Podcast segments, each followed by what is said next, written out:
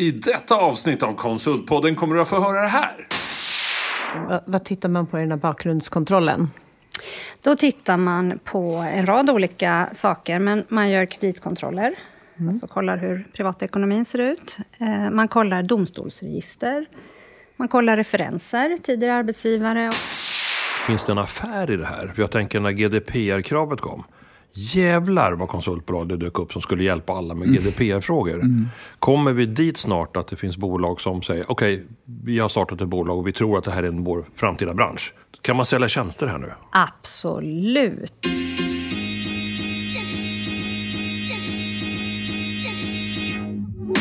Konsultpodden, den största podden för dig i konsultbranschen. Med mig, Helena Torhage, Håkan Mild Svensson och Mattias Loxi. Bakom podden står Berotech och Synode. Hörni allihopa, det är så kul att köra igång Konsultpodden nummer 75. Wow. Jubileumsavsnitt! Fan, min mamma fyller 85 nästa månad. Och du har nästan kommit ikapp henne. Ja. Vad märkligt. Jag känner mig inte lika trött som henne. Jag kommer ihåg er fortfarande. Hon din inte din rygg funkar bättre. Ja. Eh, solen skiner, Södermalm, hela Stockholm är blomstrar av kärlekskranka människor. Det är selfies, man ligger på parkbänkar och ja. bara njuter. Ja, jag är ledsen för att jag inte har solbrillor. Ja. Ja. Nu kommer det. Ja. Och, och, och dagen är längre än natten. Hur är det för dig, Mattias? Och, eh, Synod. Ja, men det är bra. Det är bra. Det, det är bra. Kommer vi höra ordet med... vabb igen eller? Ja, det kan, det kan vi höra. höra. Okay. Inte den här veckan, men förra veckan. Ja, ja. ja, men vi har ju en höggravid fru och ja. uh, lite köksrenovering. Men, men det, det är bra. Härligt. Nu är vi ljusare tider. Nu är det dags. Yes, och full fart på. Och sen har vi Helena då. Hur känns det för dig? Ja, men det här känns ju, dels så känns det väldigt roligt med gästen vi strax ska mm. avslöja. Men sen så känns det också väldigt kul att vi på Berotech var på en fantastisk konferens ja. förra veckan. Mm. Som gav så mycket energi och mycket sol och vinterljus. Och skratt. Man, ja, ja, massa verkligen. skratt. Kul, var var ni någonstans? Vi var i Åre. Oj. Såklart, nice. Är med oss. Vi valde konferensveckan va? Ja. Perfekt. Ja, åkte ni skidor? Åkte skidor. Jag åkte längd Grymt. faktiskt. Ja. Några kajtade på sjön istället. Ja. Wow. Ja. Och, no och några vill inte åka skidor och var och fixade små löjromsnittar och sådär istället. Så det fanns liksom bra uppgifter för alla. längd är ju, jag har ju många kollegor som kör längd. Ja. Alltså riktigt. Men jag, jag, jag ska ju ta upp det där sen när, jag, Nej, det, jag när, när barnen blir större. Men jag körde ju lite längd på sportlovet. Jag körde en sån här vi var i Kläppen, åkte skidor till eh, halv tre, tre när barnen blev trötta. Stack ner, bytte till längdskidor, åkte en sväng, åkte oh. tillbaka, bytte Gud, tillbaka. Du det var ju min sportlovsdröm. Och vi hade, vi hade planerat en dag att vi skulle lösa det, jag och en ja. annan mamma. Men då stängde liften så det gick inte. Här, vilken energi! Ja, jag var också på Tech Awards igår, jag måste bara nämna det. Oh. Väldigt bra. Wow. Många, det är alltså Tech Sveriges eh, och IDG som delar ut massor med priser till eh, techföretag, mycket mm. konsultbolag där. Vann någon värd att lyfta? Eh, Truesex, eh, Marcus Murray vann. Ja. Välförtjänt som årets viktigaste person. Till och med Något det? Sånt. Ja. Ja. Coolt. Ja, men det var, yes, det var jättebra. Mm. Det fanns mycket spännande där. Men, ska vi gå på dagens ämne? Eller hur? Trots det vackra vädret ja. och all framgång vi känner just nu så är det ju ändå eh, påtvunget av massa kriser i världen. Så uh så behöver vi lära oss mycket mer om det här med säkerhetsskydd för som konsultbolaget tvingade ha. Därför har vi med oss vår grymma Emma Fornander från Berotech. Välkommen! Ja. Hur känns det? Tack! Jo, men lite nervöst. Men det kommer gå bra. Det kommer gå jättebra. Och, och du är ju så här, du, nu får folk gissa var du kommer ifrån, men du har, du har en, en dialekt som är lite svår att säga var. Och sen, men du kommer från norr om, men verk, verkar i ja. väster. Kommer från Luleå men jobbar, bor och jobbar i Göteborg sedan 20 år. Och nu är du här också? Ja, nu är jag här. Jag tog morgontåget, eh, gick upp klockan fem i morse. Så jag är väl ungefär lika trött som Håkans 85-åriga mamma, kan jag tänka Och så lite tårta på det. Så. Ja, så lite ja. tårta. Jag trodde faktiskt när jag kom in att tårtan var för mig. Men sen mm. såg jag ju att det var 75. Det är ju just att vi firar. Det är septemberfilm som är så goa så att de ja, Jag blev chockad när de kom med tårta här. Men Emma, innan vi går in på ditt professionella område som heter säkerhetschef. Kan du inte bara dra dina, din one-liner, vem du är, vad du gör, vanligt liv, sådär? Hur kom du in i konsultbranschen? Ja. Eh, alltså i, I vanliga fall så är jag ju en av eh, många affärsledare på Berotech. Eh, ni har ju träffat Therese till exempel tidigare. Mm. Exakt. Och eh, bor i Göteborg och jobbar på Göteborgskontoret där. Um, hur kom jag in i konsultbranschen? Ja, men jag är ju ingenjör. Eh, jobbade som konsult själv i många år. Eh, tio år tror jag det blev. Innan eh, det där hände som händer många konsulter när de blir äldre. Man slår i lönetaket och inte så lönsam längre för konsultbolagen.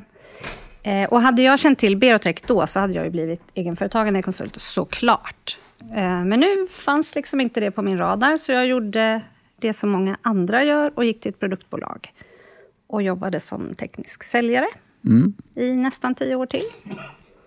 Innan jag... Perfekt erfarenhet att ha med sig in i affärsledarrollen. Ja, men inte helt fel. Både säljerfarenhet och erfarenhet av mm. konsultrollen. Och köpte också in konsulttjänster på mitt förra jobb. Så, ja. Ännu bättre. Lång erfarenhet. Allt, ja. Tycker du att konsultbranschen har förändrats under dina, dina 20 år? Um, Ja, men det har den ju. Ett annat skäl till att jag lämnade konsultbranschen var faktiskt för att jag tyckte den var väldigt, väldigt cynisk. Eh, man såg konsulterna som små schackpjäser som man flyttade runt för att maximera företagets eh, lönsamhet. Så jag var ganska färdig med konsultbranschen. Ehm, tills jag träffade Håkan och Berotech och insåg att här finns det ett företag som vill något annat, som har vänt på det, som jobbar för konsulterna, som vill ha schyssta villkor för konsulterna. Det handlar mer om att utveckla den enskilda konsulten än att maximera vinsterna för Berotech. Så då tänkte jag att jag får väl ge konsultbranschen en chans igen då. Ja, och då visste du inte att du några år senare plötsligt skulle sitta som våran på viss del, till viss del anställda säkerhetsskyddschef. Vilken vändning! Ja, verkligen. Men på sätt och vis är det ju lite som att Sorry. konsulta själv eh, igen. Ja, det är, det är det. Du blir, du blir ju vår expert på ja. all form av säkerhet. Men eh, vad är det i världen som har gjort att vi nu behöver ha den här rollen? För vi har inte inte riktigt haft den på samma sätt. Håkan har haft eh, titeln tidigare men inte jobbat på samma sätt som vi gör nu riktigt. Men Emma, vad, vad är det i vår omvärld och eh, vad är det som sker där ute som gör att vi på Berotech nu behöver ha dig som säkerhetsskyddschef? Alltså, um, nu har det ju hänt mycket i omvärlden nyligen. Vi har krig i vår närhet, hotbilden har ökat. Eh, vi ser mer och mer på nyheter och löpsedlar om spionage och, och annat. Så det är klart att det är aktualiserat, men egentligen så är det inget nytt. Och vi har haft den här rollen tidigare. Det som är nytt är väl att vi har tagit lite mer av ett helhetsgrepp, infört ett ledningssystem för säkerhetsskydd, upprättat en massa nödvändiga dokument, ser till att ha struktur och process. Och vem, vem kräver de här dokumenten? Ja, men det är ju drivet av att vi har en hel del kunder eh, och har haft länge inom till exempel försvarsindustrin, svenska myndigheter, rättsväsendet eh, som helt enkelt ställer krav på vår organisation eh, eftersom de i sin tur har krav på sig från svensk lagstiftning. De faller under säkerhetsskyddslagen. Eh, så vi måste helt enkelt, för att kunna vara leverantörer till de här bolagen, leva upp till ett antal förväntningar och krav. Men, men finns det något i lagboken att, att företag generellt måste ha en, en säkerhetsskyddschef? Eh, nej, det gör det inte. Eh, utan det här är ju drivet av, av de kunderna som vi väljer att samarbeta med. Eh, och nu pratar vi säkerhetsskydd, alltså mm. det som omfattas av säkerhetsskyddslagen. Sen finns det ju andra aspekter på säkerhet, som till, till exempel informationssäkerhet, som du och jag pratade ja. lite om förut. Eh, där omfattas ju fler företag av detta. Och i den här rollen, ingår informationssäkerhet? Ja, det gör den sen ganska nyligen. Och det är för att fler och fler av våra kunder ställer krav på det. Så tidigare har, har kraven rört säkerhetsskydd. Och då pratar vi främst om personsäkerhet. Och det är alltså inte att folk ska kunna ta sig ut om det börjar brinna, utan det är att vi gör allt vi kan för att säkerställa att en person som får ta del av säkerhetskritisk information är pålitlig och lojal och passar för rollen. Eh, och det har vi då arbetat med ganska länge på Berotech. Mm. Det vi ser nu det är att fler och fler av våra kunder även ställer krav kring informationssäkerhet. Alltså vilken data vi lagrar och hur vi lagrar den och hur vi garanterar säkerheten där. Mm. Så man kan väl säga att att vi i många år har jobbat med att upprätthålla säkerhetsskydd ja, men för till exempel försvarsindustrin och rättsväsendet. Men nu ser vi att fler andra kunder bolag som till exempel jobbar med tillverkning av konsumentprodukter eh, också ställer krav på oss. Att vi ska dels garantera personsäkerhet men också informationssäkerhet. Det verkar som att den här trenden, den tragiska trenden om att det blir bara sämre och sämre i världen gör att företag som förut aldrig hade det här behovet börjar göra det också. Mm. Och är inte riktigt jättemogna för det. Så det blir ganska yvigt har jag förstått. Ja. Svårjobbat. Så att det, det fördelen med Emma är ju nu att vi har lärt oss hur vi ska göra det. Då kan vi nästan lära våra kunder som ännu inte har kommit dit. Så det, det finns en USP i det då möjligtvis. Jag vet att du nämnde i ett tidigare avsnitt här att ni, ni ser på förfrågningar. Det blir allt fler som måste säkerhetsklassas Absolut. för att få de här uppdragen. Eh, så det är en konsekvens. Så det ena är ju liksom att företaget måste ha alla de här rutinerna förstår jag. Men jag är väldigt nyfiken på att höra om jag är konsult och lyssnar på det här. Och är på väg in i ett sånt uppdrag där de här kraven finns. Hur, hur vad händer för mig som konsult? Mm. Man kan väl säga att det är två olika delar. Det ena är liksom en, en intern process som vi har på Berotech där vi gör en bakgrundskontroll på konsulter och genomför en, en, säkerhetsskyddsintervju där vi pratar kring ja, pålitlighet, lojalitet, sårbarhet. Va, vad tittar man på i den här bakgrundskontrollen? Då tittar man på en rad olika saker, men man gör kreditkontroller. Mm. Alltså kollar hur privatekonomin ser ut. Eh, man kollar domstolsregister. Man kollar referenser, tidigare arbetsgivare och utbildning. Och eh, man kollar exponering på internet.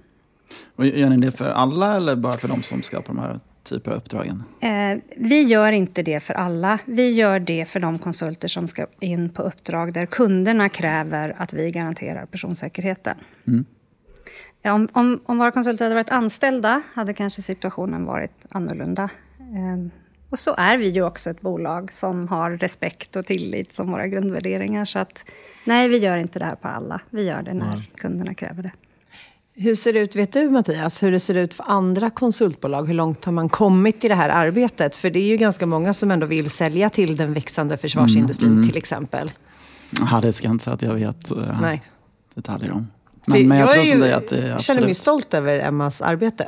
Att det blir viktigare, ja absolut. Ja, men jag är faktiskt också ganska stolt. Ja, men det ska du vara. Ja. Hur, hur har du ens lärt dig det här? Du har blivit skickad på diverse utbildningar och du har tvingats som i Berotech så har vi inga anställda egentligen, men vi har ju varit tvungna att anställa dig till en liten procent just för att det är ett krav också på rollen. Mm. Men du, varför är det så? Vad har du behövt lära dig för att kunna eh, sitta där du sitter? Eh, jag har ju egentligen, ända sedan jag började på Berotech för fem år sedan, arbetat aktivt med olika frågor kring säkerhetsskydd, därför att vi har flera stora kunder eh, som kräver det. Eh, så att det är inte så att jag har uppfunnit det här från scratch, utan vi hade ju en process på plats. Och det är mycket tack vare kollegor till mig då, som har drivit det här arbetet förträffligt. Eh, det vi inte haft tidigare är ju en anställd säkerhetsskyddschef som utpekat har rollen att ta fram processer, dokumentera, säkerställa ett kontinuerligt förbättringsarbete, utbildning av personalen. De frågorna har vi inte riktigt haft ett helhetsgrepp kring. Och nu har vi ju, ja men egentligen sen jag tillträdde i höstas då, tagit fram ett ledningssystem för säkerhetsskydd. Eh, som jag tycker är välfungerande och, och ja men det känns väldigt tryggt nu, tycker jag. Otroligt bra. Mm. Men du kunde inte allt det här ja, Förlåt, innan. nu svarar jag inte nej, alls på din fråga. Nej, men det, det gör ingenting, jag ställer upp. Men vad behövde du lära dig? För du kanske inte visste precis hur man skulle gå tillväga från början. Nej, men dels så finns det ju en, ett antal utbildningar då som är obligatoriska för mm. säkerhetsskyddschefer. Ehm, men sen så får man ju själv ta reda på det som man behöver för rollen. Det finns ju industrisäkerhetsmanualen, som är en stor tjock bibel eh, för företag som jobbar med som leverantörer till andra företag som omfattas av säkerhetsskyddslagen. Ska jag säga. Eh, så det finns mängder av information att eh, ta del av och sätta sig in i. Och, sen, och det har väl varit en del av min roll, att ta reda på vad jag behöver veta för det här. Eh, och sen ja, sprida den informationen till övriga kollegor och personal som behöver veta för sin del. Just det. Jag har förstått det som att om vi hade haft anställda, det finns ju många konsultbolag som fortfarande har anställda konsulter förstås och det ska ju fortsätta vara så. Men då räcker det med en säkerhetsskyddschef per sånt aktiebolag. Och sen all personal kopplade till det. Men om man är enmansgiggare då, kör lite eget AB, vad händer då? Ja, då är det ju formellt så att du behöver ha en egen säkerhetsskyddschef i ditt aktiebolag. Så du är både VD och säkerhetsskyddschef. Eh, så ja. det ställer ju faktiskt rent formellt lite större ansvar på våra eller det ställer lite större krav. På alla enmansföretagare? På alla enmansföretagare, precis.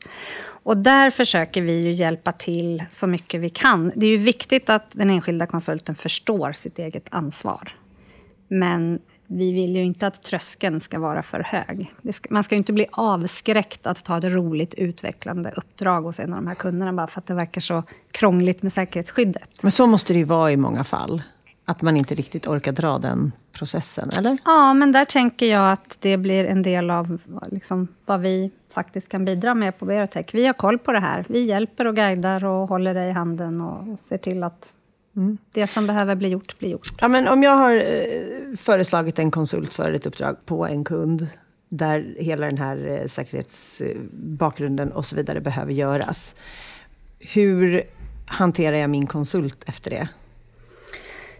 Ja, nu, nu är ju det här... Um, vi har en del eh, kunder som ställer krav på registerkontroll, det vi kallar RK i mm. vanliga slarvigt tal. Eh, och det är ju alltså att man gör en slagning i polisens brotts och misstankeregister för att se om den här personen har gjort några dumheter. Eh, vissa av våra kunder ställer krav på det. Då mm. gör vi dels den här interna delen, som jag pratade om förut, med bakgrundskontroll och säkerhetsskyddsintervju. Och sen så tar vi också hjälp av Säkerhetspolisen att göra en sån RK. Då skickar man in en fråga till dem och så ja. gör de själva arbetet. Och kring det här är ju ganska mycket pappersarbete och admin och underlag som ska in. jag tänker om, äh, säg att det är en person som har gjort någonting dumt för, för många år sedan. Vad, vad är liksom gränsen? Vad, när får man inte ta sådana här uppdrag? Ja, där, det är svårt, svårt att svara ja, på. Nej men, nej, men där är det ju viktigt att göra en helhetsbedömning. Så vi har informationen från den här bakgrundskontrollen, som jag pratade om förut. Det kan vara liksom ekonomisk situation, eh, har man ja, exponering på internet, sådana grejer. Och sen resultatet från registerkontrollen. Men under den här timslånga säkerhetsskyddsintervjun som man har innan, då, ska vi, då sitter du och jag ner och så går vi igenom ja, men ganska djupgående eh, ditt liv. Mm. Din bakgrund, din uppväxt, eh, din relation, hur träffades ni? Hur ser er privatekonomi ut? Eh, finns du i något brottsregister? Eh, har det hänt någonting? Har du haft någon incident hos tidigare arbetsgivare? En ganska personlig, en del skulle kanske till och med kalla det integritetskränkande mm. Mm. intervju. Eh, och där har ju du möjlighet att berätta då för mig ja, men ni kommer att få ett resultat när ni gör den här registerkontrollen. Jag kommer att komma upp, det här gjorde jag. Och så har du möjlighet att berätta omständigheterna kring det. Um, vad hände? Finns det förmildrande omständigheter? Var det länge sedan? Och sen så gör vi en, en helhetsbedömning. Mm. Så först ska du liksom klara Berotechs säkerhetsprövning. Vi ska tycka att du är en tillräckligt bra kandidat för att lyfta hos den här kunden. Mm. Och sen så kommer Säkerhetspolisen in och gör sin kontroll. Och de kan ju göra en, en annan bedömning än den vi gör. Ja. Eh, men vi får typiskt inte veta om någon blir nekad en, en säkerhetsprövning. Utan det är ah, okay. allt det här är ju sekretessbelagt. Ni får veta att det blir nekat, men inte på vilka grunder. Exakt. Eller hur? Precis. Ja. Och det händer ju ändå. Ja, det händer ändå. Och, eh, och då måste vi ju hantera det. Mm. Mot både konsult och, och kund. Precis. Och då kan, man ändå, då kan man ändå jobba vidare med den konsulten med en helt andra uppdrag. Eller speglar det då en oro för Belotech att ha kvar den personen? Alltså det där, är, det där måste man ju ta ställning till i varje enskilt fall. Eh, mm. Såklart. Och det är en helhetsbedömning. Men, men absolut, det är ju inte så att vi kräver av våra medarbetare på Berotech att man ska ha ett helt fläckfritt förflutet eller att man aldrig ska ha gjort några dumheter i ungdomen eller, eller så. Utan, mm. eh, Nej, det behöver inte per automatik följa. Och, så, och dessutom vill jag bara tillägga, så är det ju sekretess och tystnadsplikt som gäller för de här intervjuerna. Så att jag springer ju inte runt och berättar för andra vad som har framkommit jag tänker att det, det är väl som vanligt, det är bättre att vara ärlig med sina dumheter än att, ja, att du frågar och sen så kommer det upp i Verkligen. Då ja. blir det en tillit. Det säger vi ganska mycket om personen, hur man väljer ja. att hantera Men när du, när du sitter då i den här en timmes intervjun med alla dessa underbara människor. Mm. Vad du får lära dig mycket om alla alltså, människor. Det är ju, ska jag säga, den roliga delen ja. av jobbet. För att eh, Alltså jag ska inte sticka under stol med att det är ganska mycket admin och pappersarbete och formulär och saker som inte är så himla roliga. Och den delen av jobbet är ju väldigt svartvit och väldigt fyrkantig. Eh, men sen finns den andra biten som är att, att man har väldigt mycket personkontakt. Mm. Dels de här långa djupgående intervjuerna där man verkligen får en liten... Du får ju ställa vilka frågor du vill. ja, man får, det blir ju bara en liten ögonblicksbild in i den här personens liv, men väldigt personligt och djupgående. Hur, hur uppfattas det då, när, om, om du skulle intervjua Mattias här och du kommer in på hans privatliv och hans fru och har du mycket lån och, eller har du, gjort, har du skulder? Behöver du sälja kunskap? Hur upplever Mattias det här samtalet? Är det liksom mm. lite jobbigt? Eller Jag tror säkert att en del tycker mm. att det är jobbigt. Det ställer ju en hel del krav på den som håller i intervjun. Ja. Alltså Precis. dels så ska man ju vara, vad ska man säga då? Klinisk och distanserad. Eh, men också empatisk och inkännande. Eh, det ska ju, det ska ju kännas som en, ett tryggt samtal mellan oss. Eh, jag kommer inte att döma dig för någonting som jag får höra och jag kommer heller mm. inte att berätta för någon annan. Det blir som en psykolog fast ändå inte. Ja. ja. Någon som tar till sig. Jag tänkte på en annan sak. Det är ju, eh, genom att det är så tufft läge nu. Försvarsindustrin gasar. Eh, det jagas folk. Det är bråttom. De här kunderna ropar mer än någonsin efter duktiga människor hur, hur, stor och hur lång är den här processen? Från att de har upptäckt att vi behöver hjälp här. Vi behöver, vi behöver en Mattias. Mm. Typ honom. Från och så till slut så får du hugg på det och sen så, okej okay, nu drar vi igång den här processen. Hur långt är det från att du har första samtalet med Mattias tills att alla steg är klara, Säpo har sagt sitt och kunderna har sagt ja. Är det, det är inte på två dagar. Nej, det är det ju tyvärr inte. Nej. Om man säger den första delen, den interna delen som vi gör själv, bakgrundskontrollen och säkerhetsskyddsintervjun, det är ju bara någon vecka. Mm.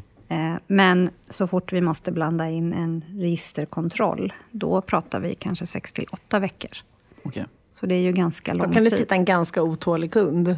Och då, konsult i och för sig. Då kan det sitta en ganska otålig kund och konsult, absolut. Men, men eh, kunden är ju medveten ja, om detta. Ja. De eh, är ju vana vid att hantera det. Och om man har gjort Men, en sån här måste man förnya. Alltså, du kanske har ett liknande uppdrag för två år sedan. Måste du göra en gång till då? Eller? Registerkontrollen är kopplad till uppdrag. Så, så fort okay. uppdraget avslutas så mm. avslutas mm. registerkontrollen.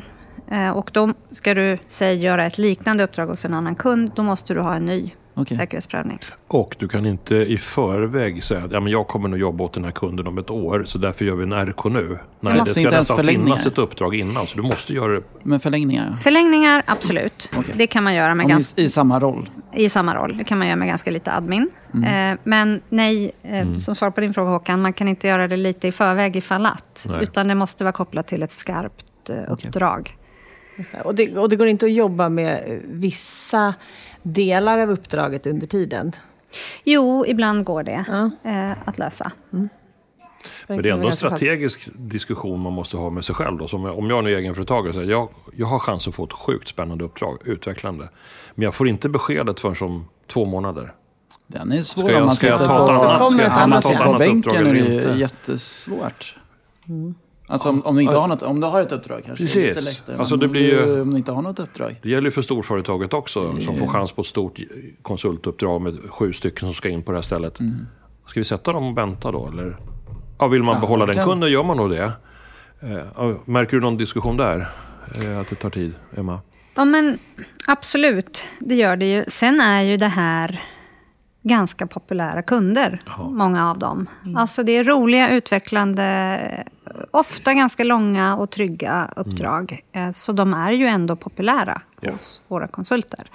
Mm. Kanske speciellt i dessa tider. Mm. Då försvarsindustrin taktar lite annorlunda mot övriga mm. i en lågkonjunktur. Och det, och det jag menar lite grann som jag inledde med den frågan att de här kunderna har extrema behov och ska de få de bästa mm. så måste de också skapa en attraktivitet. Även om det, tar tid att få beslutet så måste det, vara, liksom, det måste finnas något där borta. Mm. Honungen måste vara rätt söt. Så att det inte är ett tråkigt jobb man får. Mm. Ja. Om vi säger att vi, vi är på ett uppdrag, vi har blivit säkerhetsskyddsklassade och sen så kanske det händer något. Va, vad händer då? Eh, ja, men den här registerkontrollen som vi nämnde mm. då, det är ju inte en engångsgrej, utan den sker ju kontinuerligt. Okay. Så jag vet inte om det är en gång i veckan eller varannan vecka eller med ja, något fast intervall så gör de en kontroll. Mm. Och då dyker du upp på radarn. Eh, om du har gjort dumheter helt enkelt. Och då får man ju ta ställning till då, om det här påverkar dig eh, som, som rätt person på jobbet eller inte. Mm. Och det är ju inte så att man automatiskt bara för att man har kört lite för fort till exempel, åker ut från sitt uppdrag, utan det görs ju en helhetsbedömning. Men, och när man har klarat och får börja på uppdraget, vad har man själv för ansvar då? Lovar man på något sätt att ta på sig och bete sig på ett visst sätt? Eller eh, eh finns det något liksom, löfte i det man har gått igenom? Ja, men, Förutom självklart att göra något brottsligt eller göra någonting ja, som nej, sprider någon hemlig eh, information. Kan vi säga att egentligen så är det ju så för alla våra kunder att det står dig inte fritt att dela vilken information du vill om dina arbetsuppgifter eller dina Din, Alla konsulter? Ja, precis. Alla konsulter. Um, du, du, har ju alltid ett visst mått av sekretess kring arbetsuppgifter mm. och, och företaget du jobbar för. Uh, men det är klart att det är ännu viktigare att upprätthålla det då, i ett sånt här säkerhetsklassat uppdrag. Eh, inte berätta för vem som helst, eller inte berätta för någon kanske, vad du jobbar med, eller dina exakta arbetsuppgifter, eller hur lokalerna ser ut. Kanske inte sitta och jobba på ett café? Absolut eh, inte på något sätt avvika från, från kundens regelverk kring till exempel distansarbete eller uppkoppling mot deras servrar. Eller mm. sånt. Utan, Men visst är det också så att de här kunderna ofta har krav på konsulten att vara på plats? Ofta, men inte alltid. Men är det så att du till exempel jobbar hemifrån så har kunden en teknisk lösning för att, att trygga säkerheten i den uppkopplingen. Just det. Spännande. Mm. Ja. ja men det låter lite grann som att det beteendet som man vill ha borde vi använda mer då. Det låter inte så farligt. När man väl har förstått hur det funkar så det är klart man ska vara etisk, inte avslöja. Men man sitter heller inte och snackar liksom på i stora matsalen om vilka projekt man har. Mm. Jag menar, när jag jobbade på e- Ericsson som konsult för massa år sedan så, ska vi inte prata illa om Ericsson, men Nokia satt i samma stora matsal varje dag. De var helt tysta, bara lyssnade på vad Ericsson-killarna och tjejerna pratade om. Alltså. Det var industrispionage en masse. Alltså. Alltså det är naiviteten som svenskarna jo, har men haft. Så är det, så är det. För jag kommer ihåg när jag, jag är fortfarande med i Berotech, då fick ju vi som sitter i ledning eller styrelse också gå en kurs på nätet. Någon 45 minuters med massa olika frågor. Och det är bland annat det här liksom, det, det var lärorikt. Mm. ja, men det är lärorikt. Vi har också mm. gjort en ISO 27001 ah, certifieringar. Ja, ja. Just det. Men det är, det är ju lärorikt för alla att mm. få uppmärksamhet. Och, va, va, va. Och, och, det som du nämner nu, eh, det är ju en certifiering för ett eh, ledningssystem för informationssäkerhet. Ja. Det är ju lite annorlunda än personsäkerhet som många av våra kunder fokar ju, eller har historiskt fokat primärt på personsäkerhet. Det vill säga vi säkerställer att det här är lämpliga pålitliga personer. Men nu ser vi ju en jättestark trend att kunderna även ställer krav på att vi har ledningssystem för informationssäkerhet. Mm. Så det där är ju något som jag tror, är man inte på den bollen som konsultbolag så måste man nog på den direkt. Så snart kommer ni också vara ISO-certifierade? Vi, vi kommer kanske inte att certifiera oss, men vi, vi kommer att upprätta ett ledningssystem mm. i enlighet med den ISO-standarden. Ja, det, det, det, är en lång process. Alltså. absolut, absolut en lång process. Men jag känner att vi har gett, nu när vi då måste börja jobba aktivt med det här, så känner vi att vi faktiskt har jättestor nytta av att vi har jobbat med säkerhetsskydd i så många år. Absolut, eh, det här absolut. känns som en... Ja, vi har, vi har väldigt mycket tidigare erfarenhet och lärdomar som vi bara kan applicera på ett annat område. Mm. Jag har en fråga kvar i huvudet kring det här med alla dessa underbara medarbetare som vi behöver till Sverige för att kunna leverera värde till våra kunder. Vi har många som flyttar in hit som inte har blivit svenska medborgare ännu. Hur hanterar du det i din roll? Och vad säger Säpo om det? Det är lite känsligt för vi vill ju ha en öppenhet tycker jag. Ja. Men om jag har ett ryskt pass och kommer hit och vill jobba med teknikutveckling åt en industrikund i Sverige. Mm. Hur går det? Nej, men det beror lite grann på. En del kunder ställer ju krav på svenskt medborgarskap. Mm. Och om man har dubbelt medborgarskap, då är det bara vissa länder som är okej. Okay. Ja, okay. Och så är det ju rent krast. Mm. Det är ju inte något som vi på Berotech kan... Nej, vi kan inte råda över det. Råda över, utan, utan det är då våra ja, kontrollorganen som ja. bestämmer helt enkelt. Och det kan variera på olika uppdrag hos samma kund. Så ibland kan det vara okej okay och ibland inte. Men det är ju typiskt en sån sak som man kanske får avslag för på sin säkerhetsprövning. Att man, att man själv eller någon i, i ens omedelbara närhet har ett dubbelt medborgarskap eller kanske bara ett utländskt medborgarskap. Det finns en, finns en risk i det här. Om det nu är så att det här, det här kriget och tuffheten smittar av sig på vanliga företag också så kanske man inte törs anställa eller rekrytera människor som har dubbelt medborgarskap eller inte ens ett svenskt. Mm. Alltså, det, I förlängningen är inte ja, det bra. Så, så, kan det absolut bli. Eh, men det är samtidigt lite skönt att höra att fortsätt. För det finns uppdrag på samma kund där du får vara kvar. Eller kan få jobb. Så det, jag menar det är en dubbel... Mm. Mm. Så är det. Sen har ju Sverige kanske varit lite naiva också. Så att det är verkligen ja. dubbelt. Precis. Jag håller med. Det är, en, det är ett ja. dilemma. Har, har, du något tips att ge till eh, andra konsulter och konsultbolag? Du berättade, det är jättebra att börjat med det här med registerkontroll och person. Eh, för då blir det lättare att skapa andra stödsystem. Ja, men det jag tror är, alla jobbar ju inte mot kunder som kräver säkerhetsprövning och registerkontroll. Eh, det är ju inte säkert att man behöver den typen av process på plats. Men däremot så, som jag nämnde tidigare, så har vi ju fler och fler kunder inom andra branscher. Alltså definitivt medtech och, och pharma. Mm. Men även liksom helt vanliga tillverkande bolag med någon typ av produktutveckling som plötsligt ställer krav på bakgrundskontroll, drogtester, ja. säkerhetsintervjuer. Ehm, det är ju inte fel att ha en process för sånt på plats. För när kunden kommer med det nya ramavtalet mm. och den har en lång bilaga om informationssäkerhet eller säkerhetsskydd eller personsäkerhet. Då är det rätt skönt att ha det där på plats. Mm. Och hur, hur kommer man igång då om man är ett kanske ett mindre bolag eller som vill börja ta de här typer av kunderna. Och nu ska vi ha en säkerhetsskyddschef. Hur, hur, hur börjar jag?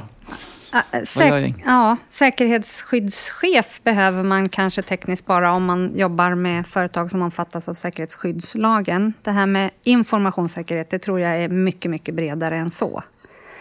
Ja, men nu är ju vi ett konsultbolag som sällan har inhouse-projekt eller större mm. åtaganden. Så vi hanterar ju inte så mycket av kundernas data hos oss. Det underlättar ju. Det ställer ju alltså mindre krav på våra IT-system och våra tekniska eh, säkerhetslösningar. Om man är ett konsultbolag som, som jobbar mer med den typen av uppdrag, då har man säkert någonting på plats Absolut, vi har, vi har ju mängder av känslig data. Absolut. Man kanske ska men, börja där. Men, man, eh, precis. Men, men sen så märker vi ju också att eh, kunderna ställer ju högre krav på oss som leverantörer därför att deras slutkund eller lagstiftning eller kontrollmyndighet eller vad det nu kan vara ställer högre krav på dem. Så man trycker ju på något sätt nedåt.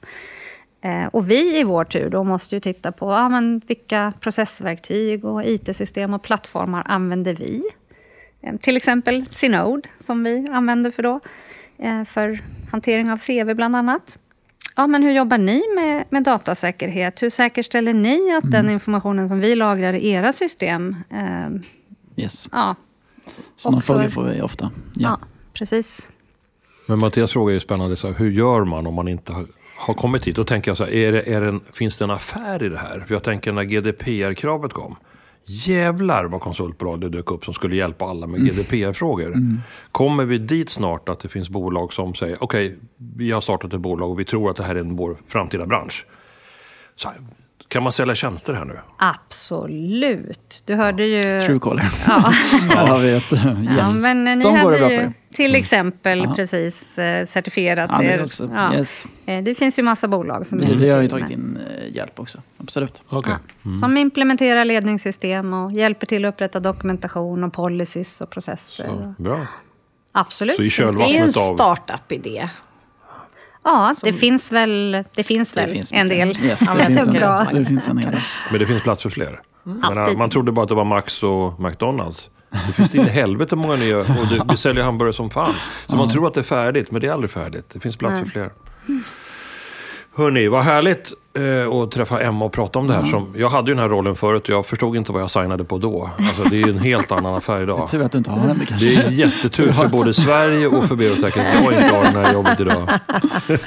Det ja, men det är något som konsultbolagen måste börja Absolut. ha koll på, även mindre bolag. Och, ja. Eh, liksom, precis, vilka affärer vill vi ha i framtiden? Och, och, och, jag tycker ju för att inte ett litet bolag måste gå via någon annan hela tiden. För att går du via någon stor mm. aktör så får du det där på köpet. Se till att fixa det själva, så ni står på egna ben tycker jag. Så att vi inte alltid måste vara en liten aktör som går igenom en större. Snälla. Det är ett bra tips. Jag bra. tycker det, för det kanske inte är så svårt. Jag tror man har en vinning på att skapa de här rutinerna själv.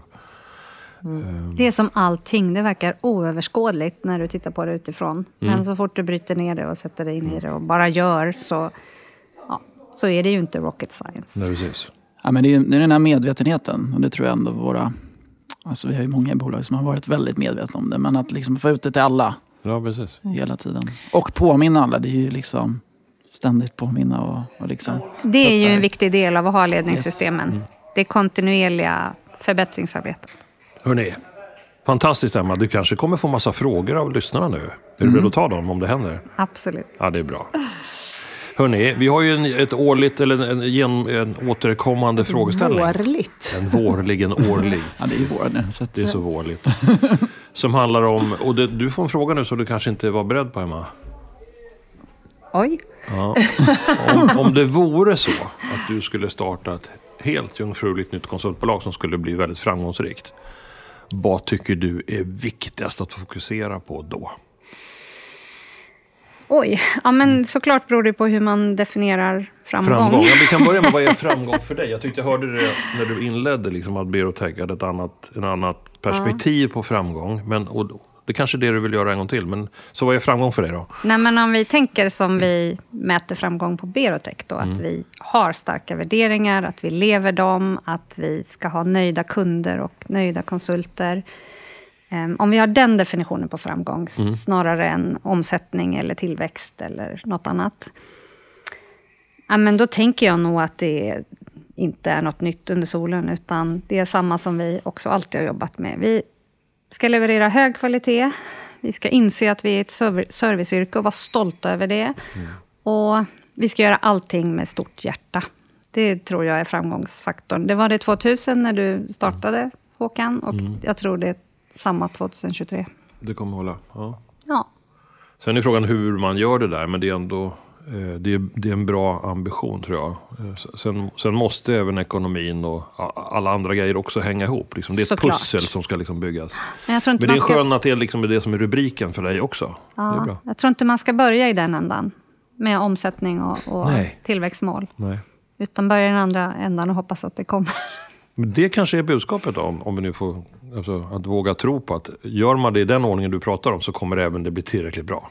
Ekonomiskt. Mm. Man får hoppas. Mm. Man får hoppas. Man vet ska inte. vi sammanfatta det här i, i slutet? Ja. Vi har fått lite olika Precis, vi ska se vad, vad hela gänget ja. tycker. Ja. Men vi tar våra spaningar i slutet va? av året. Ja, precis. Då kan vi ju liksom plocka alla bästa bitar. Får vi facit då eller? Nej, jag får ingen facit. Allt är personligt för framgången. Hörrni, eh, vi börjar, behöver runda av 75 mm. avsnittet. Wow, ja. tårta också har jag ätit. Ja. Hoppas inte smaska så mycket här i mikrofonen. Jag höll ju på att hosta sönder alla. Jag hoppas ja. att ni inte tröttnade på att lyssna. Vi fick, fick, fick pausa lite här. Men... Vad tar du med dig Mattias från det här samtalet idag? Oj, vad tar jag med mig? Eh, jag tyckte det var intressant att få hela processen. Även om jag hade lite koll, men nu fick vi liksom mer, mer detaljer. Och som du säger, det blir ju allt mer viktigt. Mm. Och det är ju en konkurrensfördel. Till och med och, det. Eh, mm. Så att vi alla måste få upp ögonen för det. Och, jag var ju på Tech Awards och vi, det var ju mycket prat om just det här, säkerhet. Och, att det har liksom kommit upp. Och just mm, Trusec är ett bra exempel där. Mm. Du då, Helena? Men som med alla sådana stora omöjliga projekt så är det ju en elefant som ska ätas i någon liten bit i taget. Och ska man ha någon förändring så behöver man ju börja ta den här första tuggan på något sätt. Och så är det ju med den här frågan också. Man kanske behöver se över någonting eller titta på ja, kundernas krav. Alltså börja dokumentera på något sätt och få igång det arbetet. Och eh, Emma kan säkert hjälpa till och eh, andra liksom, personer som har gjort det. Så man får väl ta lid på någon och jag hade en fråga som jag glömde. Hur, hur, stor del av din tid lägger du på, på det här? Nu är ni 300? Snart 300, Nästan. ja. Ungefär 25 procent mm. Eh, av min tid lägger jag på det här. Och då är det både det kontinuerliga liksom, processutvecklingen och, och förbättringsarbetet det liksom, och det rent administrativa mm. eller operativa, eller vad mm. man ska säga. Um, det tror jag är relativt lite för den här rollen om jag jämför med mina branschkollegor som mm. kanske har... Du kanske behövde mer i början också, innan processer och så vidare var på plats, eller?